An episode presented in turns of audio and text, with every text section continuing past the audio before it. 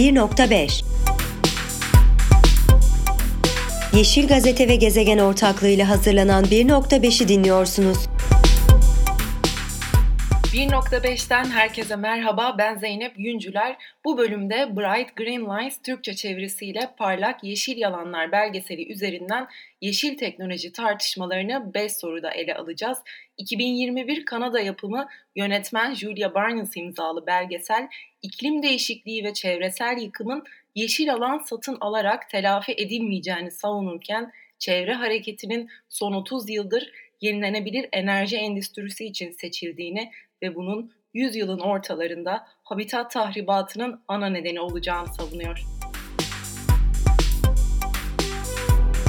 Evet konuğumuz siyaset bilimci ve gazeteci Sezin Öney. Sezin merhaba. Merhaba. Evet Bright Green Lights belgeseli aslında yeşil enerji teknolojilerine radikal bir e, perspektiften bakıyor. Zaten belgesel e, ekofilozof ve radikal çevreci deyince akla gelen ilk isimlerden e, Derek Johnson'ın kitabından yola çıkarak e, yapıldı. Hatta kendisinin de röportajları var belgeselde. Burada kısaca güneş, rüzgar, e, hidrolik, biyokütle gibi enerji kaynaklarının iklim krizine maliyeti bölüm bölüm anlatılıyor. Burada ortaya çıkan e, maliyetlerle iddia edilen nokta kısaca yeşil enerjinin yeşil olmadığı ve tabii radikal çevrecilerin bu görüşü günümüzde e, kabul görmüyor. Sizin bu belgesel Amerika'da ve Kanada'da ses getirdi, e, tartışma yarattı olumlu ve olumsuz. E, çoğunu takip etmeye çalıştım. Türkiye'de hiç e, konuşulduğunu görmedim herhangi bir yorum yazısı. İyice baktım ama karşıma e, çıkmadı. İlgi çekici, konuşmaya değer bir belgesel diye düşünüyorum. Bu arada merak edenler Vimeo'dan izleyebilir. Sezin sana ilk sorum, radikal çevrecilerin bu görüşü sence günümüzde neden kabul görmüyor? Şimdi e, bu aslında Türkiye'de biz neyi konuşuyoruz ki e, güncel olan ve asıl konuşmamız gereken tabii öyle bir durum var. O kadar büyük krizlerin ülkesi ki Türkiye hep yaratılmış bir gündem var. Ondan dolayı bu asıl meselelerimize gelemiyoruz ve çevre iklim konularının da çok fazla Türkiye'de aslında e, hak ettiği ilgiyi gördüğü özellikle politik çevreler bakımından söylenemez. Tabanda çok büyük bir duyarlılık var ee, insanlar aslında kamuoyu son derece ilgili e, bu meselelerle. E, iklim krizinin e, gerçekliğine ve işte hayatlarına nasıl e, dokunduğuna gayet hakimler ve e, Türkiye'nin hatta yüzde 90'lara varan oranda bu konuda duyarlılığı olduğunu söyleyebilirim. E, benim de içinde bulunduğum araştırmalardan gördüğüm kadarıyla. E, ve e, her konuda kutuplaşma olsa da iklim krizi konusunda aslında bir e, konsensüs var, toplumda bir mutabakat var diyebiliriz. Ve yavaş yavaş siyasette de bunu sözel olarak, tamamen görüntüsel olarak e, yakalamaya çalışan e, bir yaklaşım da var. Mesela bakıyorsunuz İyi Parti'nin bugün işte birçok e, kampanyasında çevre konusu, çevre vurgusu var. Ee, onun dışında diğer partilerin de e, bu tarz yaklaşımlarını görüyorsunuz. E, en son e, tabii AK Parti'de e, Paris İklim Anlaşması'na taraf olmaya öncülük ederek çok gecikmiş bir adımı atmış oldu. Şimdi böyle e, bu tartışmalar ama güncel olan tartışmaların biz çok uzağındayız. Yani daha e, Bright Green Lies'ın e, parlak yeşil yalanların aslında konu ettiği e, iklim kriziyle ilgili tedbirler tedbir olarak kabul edilen birçok şeyin aslında e, politikanın veya adımın veya da işte tabanda uygulanmaya çalışılan yenilenebilir enerji ile ilgili birçok e, meselenin aslında gerçekten bir dönüşüm getirmediğini, aynı sistemi daha yeşil bir görüntü ve algıyla aslında farklı bir paketle devam ettirdiğini ve felakete sürüklenmenin sürdüğünü vurguluyor malum. Ee, daha biz e, o yenilenebilir enerjiyi kullanma veya o tartışmaların içine çok fazla gir, girmediğimiz için Türkiye olarak giremediğimiz için kamuoyu genelinde e, duyarlılık var dediğim gibi ama politikaların uygulanması vesaire yolunda bir e, adım veyahut da ciddi dişe dokunur şeyler olmadığı için biz o, ona bile gelemedik. Biz zaten eskide kalmış vaziyetteyiz e, fazlasıyla. E, bu tartışmanın bu güncel boyutunu da maalesef e, yakalayamıyoruz. Hı hı. Şimdi belgeselde ise bu günümüzde yeşil enerjinin yeşil olmadığı görüşünün benimsenmemesinin nedeni ise şu. Ee, çok kısa özetleyebilirim. Şimdi diyorlar ki çevre grupları, politikacılar ve şirketler her zaman kendi gündemlerini e, destekliyor vurgusu var. Sizin bu bakış açısına katılıyor musun? Aslında biraz özetledin ama tekrar sormak istiyorum. Bir de bu soruyu destekleyecek e, güncel bir gelişme vermek istiyorum. Onun için de yorumlarını merak ediyorum. E, yaklaşık bir, bir buçuk hafta önceydi sanırım. Avrupa Birliği üyesi 10 ülke AB Komisyonu'na bir mektup gönderdi nükleer yatırımlarla ilgili. Bu 10 ülke nükleer enerjinin yeşil yatırım olarak sınıflandırılmasını talep etti. Komisyon bu talebi direkt reddetmedi. Hukuki süreçler nasıl işliyor bilmiyorum komisyonda. Belki direkt reddedemiyorlar. Ama şu önemliydi. Bunu e, komisyon görüşmeye açık olarak değerlendirdi. Ve birkaç ay içinde yeşil yatırımları içeren son listeyi açıklayacaklarını belirttiler. E, şimdi tabii e, gerçekten de e, artık e, iklim krizinin var olup olmadığı, bir gerçeklik olup olmadığı tartışılırken e, dünya genelinde kabul e, gören ve e, gerçekliği artık tanınan bir e, vaka haline geldi bu. E, bu konuda aslında tabii büyük bir ilerleme var ve özellikle çocukların bu konudaki e, iklim için e, iklim grevleri, e, cuma e, iklim için cumalar hareketinin tabii ki çok büyük etkisi var ve dünya genelinde genç kuşakların bu meseleleri gündeme getirmesini.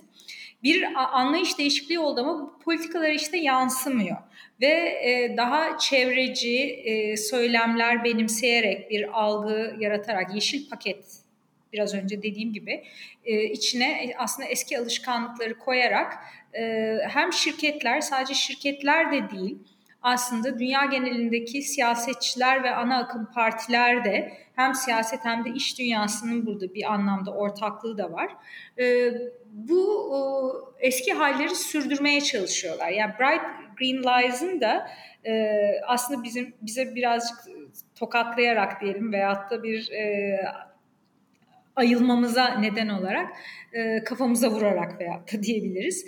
E, gösterdiği bu rahatsız edici bir gerçeklik var burada. Yani tamam işte e, ben daha işte yeşil e, tüketim yapıyorum. İşte çevreci e, çevre duyarlılıkları olan şirketlerden, e, ürünlerden, e, markalardan e, tüketimimi gerçekleştiriyorum deyip sırtımızı dönemeyeceğimiz bir durum var ortada. E, ayrıca mesela Avrupa Birliği'nin işte bu iklim anlaşması yani kanunları daha doğrusu malum geçti ve biz Avrupa Birliği'ne aslında bir bütün olarak kurumsal olarak dünyadaki en ileri adımları atan taraf olarak görüyoruz e, siyaseten. Ama bir yandan baktığımızda mesela Avrupa Parlamentosu'nda bu yasalar tartışılırken de e, öyle çok e, pürüzsüz geçmedi. Mesela yeşil milletvekillerinden e, önemli bir kısmı e, boykot etti bu iklim e, yasalarına onay vermedi Avrupa Birliği'nin. Dediğim gibi biz çok ilerici görsek de e, o yapılanları aslında yeterli orada e, olmayan e, bir türlü bu sistemsel dönüşümü ve zihinsel yaklaşımı aslında bütün bu tüketim meselesine gerçekleştirmeyen bir e, yaklaşım var ve daha da kötüsü tabii ki ülkeler arasında da bu bir pazarlık meselesi aynı zamanda bir siyasetin aracı haline geliyor. Mesela e, Amerika'da Biden yönetimi de işbaşı yaparken e, son derece işte iklim krizini ön plana çıkaracak. E, bütün işte politikalarında dünyaya bir iklim liderliğiyle e, bir anlamda o e, Amerika'nın e, pozitif gücünü, yumuşak gücünü e, pekiştirecek, güçlendirecek, daha doğrusu pekiştirecek de diyemeyiz. Zayıflayan bir aslında güçten bahsediyoruz. E, tekrar geri alacak, bir ahlaki üstünlük yakalayacak diyorduk. Ama orada da tamamen aslında e, Amerika'nın kendi genel çıkarları çerçevesinde sadece bir e, sözde kalan, lafta kalan yaklaşım oldu. Ve dişe dokunur da bir şey yapılmadı bu kadar zamandır. Aslında şunu da e, vurgulamak gerekir. Hani altını çizelim. Burada kimsenin hani fosil yakıtları savunduğu yok. E, savunulacak bir yanı da yok elbette. Belki de herkesin buluştuğu nokta burası. Herkes bir şekilde e, mücadele veriyor iklim krizine karşı. Burada çoğunlukta zıtlaşılan kısım bu belgeselden yola çıkarak bir taraf enerji tüketiminin azalması gerektiğini savunurken diğer taraf enerji üretiminin değişimine odaklanıyor. Bu belgeselde de verilerle yenilenebilir enerji teknolojilerinin doğa ile ne kadar uyumlu olduğu iyice sorgulanıyor aslında. Dediğim gibi yönetimlerin, politikacıların, çevre kurumlarının bunun maliyetini hesaplamaktan, veri sunmaktan kaçındığı ifade ediliyor e, belgeselde. Şu vurgu da var. Çünkü yenilenebilir enerji teknolojisi aslında bir bakıma da iş modeli e, görüşü mevcut. E, yoğun olarak zaten belgeselde. Belki burada işte ben de yani BlackRock örneğini verebiliriz. Şirket e, geçen yıl küresel stratejisini iklim değişimi doğrultusunda dönüştürme kararı almıştı. E, 7 trilyon dolarlık bir portföy yöneticisinden bahsediyoruz. Sizin burada öncelikle Türkiye'nin daha sonra dünyanın e, bu enerji konusunda ne kadar bilinçli olduğunu bu e, örnekten yola çıkarak da tekrar sormak istiyorum ve gerçekten sence yönetimler e, bu maliyetin aslında farkındalar ve bizden e, gizliyorlar mı? Çünkü ortada bir iş modeli mi var gerçekten? E, aslında da işbirliği var diyebiliriz. E, çünkü e, amaç iktidarı sürdürmek olunca özellikle Türkiye özeline baktığımızda veyahut da bir şekilde iktidarı alan her şeyi aldığı için e, bir e, tek kişinin, tek tarafın veya tek kutbun kazandığı bir e, oyun gibi görüldüğü için siyaset gerçekten sistemsel bir dönüşüm tartışmasına yaklaşamıyoruz bile. fakat aslında bu belgeselin bana düşündürdüğü Türkiye'nin şu noktasında o kadar krizli bir dönemdeyiz ki insanlar temel ihtiyaçlarını karşılayamazken aslında e, yeşil olarak mı karşılayalım, nasıl karşılayalım gibi bir ta- tartışma da zaten olması e, çok lüks kalıyor ve e, aslında bütün işte e, Bright Green Lies ve genel olarak bu tarz eleştiriler getiren belgeseller, çalışmalar, işte bu e, yeşil e, tüketimin de aslında son, son kertede tüketim olduğunu e, vurgulayan yaklaşımlar. Tabii ki bur, burada dediğim gibi yani insanlar herhangi bir şekilde aç kalmamaya, hayatta kalmaya çalışılıyor çalışıyorlarsa bir kere orada zaten e, o tartışmanın dışında kalmış oluyorsunuz.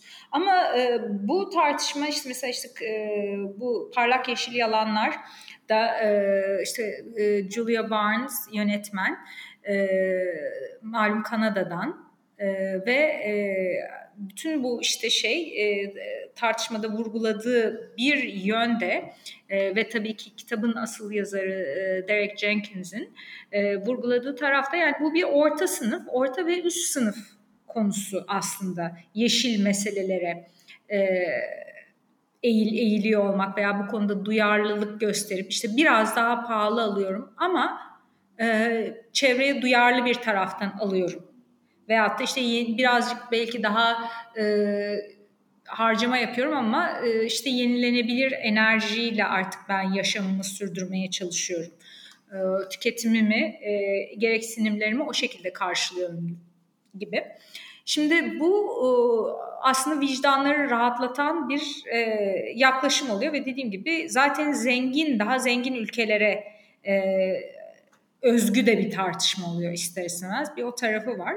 Ee, Türkiye gibi e, ülkelerde ise zaten yani demokrasi konusunda çok ciddi sorunları olan birçok şeyin şeffaf olmadığı ve e, siyasetin tabii ki dünya genelinde de böyle ama e, Türkiye gibi yerlerde iyice bir paraya ve parayla satın alınabilir güce dayalı. Ya paranız varsa her şeyi yapıyorsunuz gibi. Yani orada ahlaki kurallarda, işte ilkelerde, normlarda e, iyice göz ardı edilebiliyor. Tam bir vahşi kapitalizmin e, yaşadığı yerler oluyorlar aslında. Tüm yolsuzluk, hukuksuzluklarla vesaire.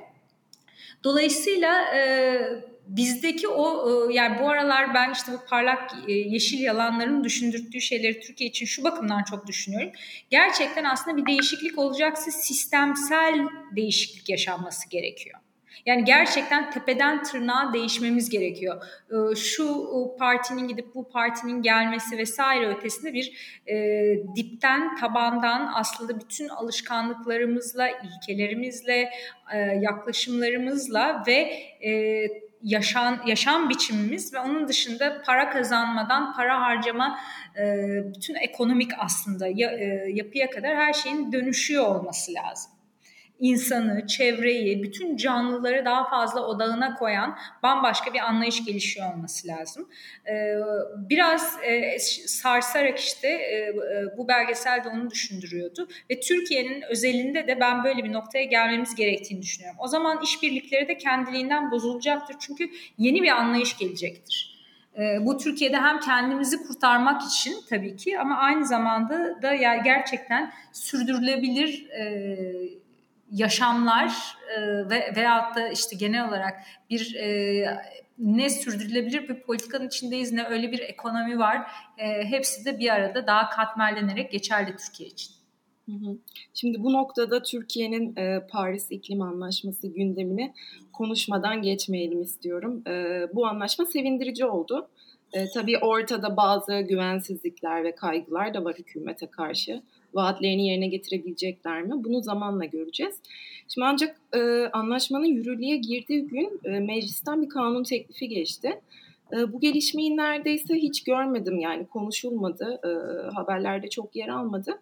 Altını çizmek istiyorum. Yani özetle bu teklif, e, geçen kanun teklifi diğer ülkelerin nükleer atıklarının Türkiye'ye gönderilmesinin önünü açıyor. Bunun da e, üstünde durmak istedim. E, burada sana anlaşmadaki samimiyetimizi ve geleceğimizi sormak istiyorum. Şimdi tabii e, Paris İklim Anlaşması e, Türkiye'nin de çok e, aslında dünyada yalnızlaştığı bir dönemde geldi ve ekonomik sorunları da malum ortada ve hemen ardından işte zaten hemen birkaç hafta içinde günler içinde daha doğrusu Türkiye'nin 3.1 milyar euro kredi alacağı bu e, temiz enerji hedeflerine yönelik olarak Dünya Bankası, Fransa ve Almanya'nın e, kaynağını sağlayacağı e, büyük bir kredi e, ye e, açılma olacağı, erişimi olacağı konusu geldi gündeme. E, şimdi bir yandan bütün bu mülteci meselesinde de ilk başta konuşulan rakamın benzer bir rakam olduğu düşünülürse Türkiye'nin işte o zaman da 3 milyar euro alınacak meselesi vardı hemen 2015-2016'da 2016 e, bu anlaşma yap, yapılırken ilk e, Avrupa Birliği ile mülteci anlaşması bu rakam telaffuz ediliyordu. Yani Türkiye için önemli bir meblağdan bahsediyoruz. E, şimdi bunun bir maddi karşılık için yapıldığını söyleyebiliriz. Bir de tabii ki aslında her kim iktidar olursa olsun sadece faydacı bir tutumla olsa bile Türkiye'nin e, ekonomisini döndürebilmesi ve en önemli ticaret ortaklarından biri olan Avrupa Birliği ile ticaretini gelecek yıllarda da sürdürüyor olabilmesi için böyle bir e, aslında dönüşüme ihtiyacı var. E, paket olarak veyahut da görüntüsel olarak neyse yani işte o, o gereklerin ne kadar nasıl yerine getirilecekse bunu yapıyor olması lazım.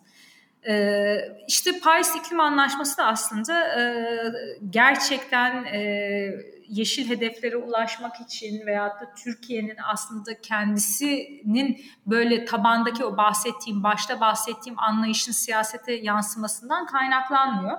Daha çok işte bu e, faydacı tutumdan kaynaklanıyor belli ki. Ama e, muhalefetin de sadece iktidara burada suç bulmamak lazım tabii. Muhalefetin de e, bu konuyu hakikaten e, sadece bir köşe süsü olarak e, değil sahiplenerek nasıl bir yeşil dönüşüm hakikaten ama yani e, bütün anlayışların dönüşüyor olması lazım ve aslında Türkiye'de tabii bütün ilkeler e, ve ahlaki zemin de büyük bir erozyona uğradığı için bir yandan çok büyük bir yıkım var elimizde bir şey kalmadan belki e, bu tarz bir dönüşüme başlamak zorunda kalacağız. Ama bir yandan da e, her şey yıkıldığı için yeni bir şey kurmak için de ilkesel olarak çok e, geniş de bir alan var iyi tarafından bakarsak. E, onun için ve Türkiye'de bu ekonomik krizle de beraber herhalde daha da dayanışmanın, değişmenin, hakikaten ama değişmek gerektiğinin bir maalesef yıkımla, büyük zararlarla anlaşılması söz konusu olacak. Tüketeyim de nasıl olursa olsun anlayışının da yaşanan sarsıntıyla ben maalesef sarsıntıyla diyorum ee, keşke güzel yollardan, başka şekillerden anlaşılabilseydi. Ee, bu işlerin artık yolsuzlukla, rantla e, olmadığı anlaşılacak diye düşünüyorum. Paris İklim Anlaşması da bizim çoktan kendi yararımız için yapmamız gereken bir şeydi ve çok daha önüne geçmemiz gereken de bir anlaşmadan bahsediyoruz aslında. Sizin kapanışa geldik. Belgesele dair hiç olumsuz bir eleştirim var mı onu merak ediyorum. Bir de bu belgeseli şu an dinleyicilere önerir misin? Şimdi tabii bu, bu tarz e, aykırı yaklaşımların şöyle de bir e, yarattığı soru işareti var. Zaten insanların alışkanlıklarını değiştirmek çok zor. Zaten insanları e, bir anlamda e, yine de tüketim olsa da e, hiç e, işte kafaya takmadan deliler gibi harcamak yerine e, biraz hiç olmazsa e, alışkanlıklarını değiştirmeye teşvik etmek zaten zor. Ee, bu noktada acaba böyle bir şey, böyle bu tarz yaklaşımlar daha da mı aslında negatif e, bir durum getiriyor? İyice nihilist bir tutumla tamam o zaman ne yaparsam olmuyor, o da yalan, bu da yalan. Ee, veyahut da hatta komplo teorileri de var biliyorsunuz. Mesela işte e, et tüketiminin düşürülmesine yönelik olarak insanları et yemekten uzaklaştırmak istiyorlar. Sentetik et büyük bir proje e, ve şey bütün o işte karanlık odakların falan gibi böyle e, tarz e, komplo teorilerine de insanlar kendilerini verebiliyorlar. Dolayısıyla e, orada e, sadece aslında bu e, Julia Barnes'ın da e, ve e, bütün bu işte e, e, e Derek Jensen'ın da e, çalışmasının ötesinde daha önce Michael Moore'un e, malum e, şeyi vardı, belgeseli vardı benzer şekilde ve o da çok büyük e, tartışma e, yaratmıştı. Planet of the Humans, insanlar gezegeni. Michael Moore da her zamanki gibi o rahatsız edici ve işte provoke edici üslubuyla rahatsız edici derken böyle insanları dürten üsluptan bahsediyorum. Öyle bir e, aslında her şeyin e, bu yeşil politikalarla ilgili ciddi de bir kandırmaca olduğuna dair eleştiri sunmuştu. Şimdi dediğim gibi yani bir yandan baktığınızda acaba insanların olan motivasyonunu da mı zaten çok büyük bir motivasyon mu vesaire bu tartışılır. Onu da mı düşürüyor gibi. Ama sanırım böyle dürtülmeye ihtiyacımız var gerçekten. Düşünülmeyeni düşündürten. Acaba burada ne oluyor? Tamam işte güneş paneli kullandım. O zaman her şey yolunda mı? Veyahut da işte e, daha dediğim gibi işte şu markayı kullandım. Onlar işte hayvanlar üstünde test yapmıyorlar. Onlar işte e, daha yeşil çevreci politikaları ve sürdürülebilir e, aslında tüketimi destekliyorlar. Tamam o zaman. O zaman gene de alayım alayım alayım. E, böyle değil işte. Burada her aldığımız kıyafetin, her aldığımız ekstra tüketim ürününün dünya aslında da dünya genelinde çevreye getirdiği yükü de e, bir hatırda tutuyor olmamız lazım. Bütün alışkanlıklarımızı değiştirmemiz lazım. Ve dönüşmek de çok zor bir şey. E, gerçekten değişebilmek. E, sanırım o yüzden biraz böyle arada bir dürtülmeye ihtiyacımız var. Sizin 5 sorunuzu da tamamladık. Ee, cevapların çok değerliydi. Katıldığın için de ayrıca teşekkür ederim. Ben teşekkür ederim. Çok sağ ol. Evet 1.5'i dinlediniz. Bir dahaki bölümde görüşmek üzere. Hoşçakalın. Podfresh teknik altyapısıyla hazırlanan 1.5'i dinlediniz.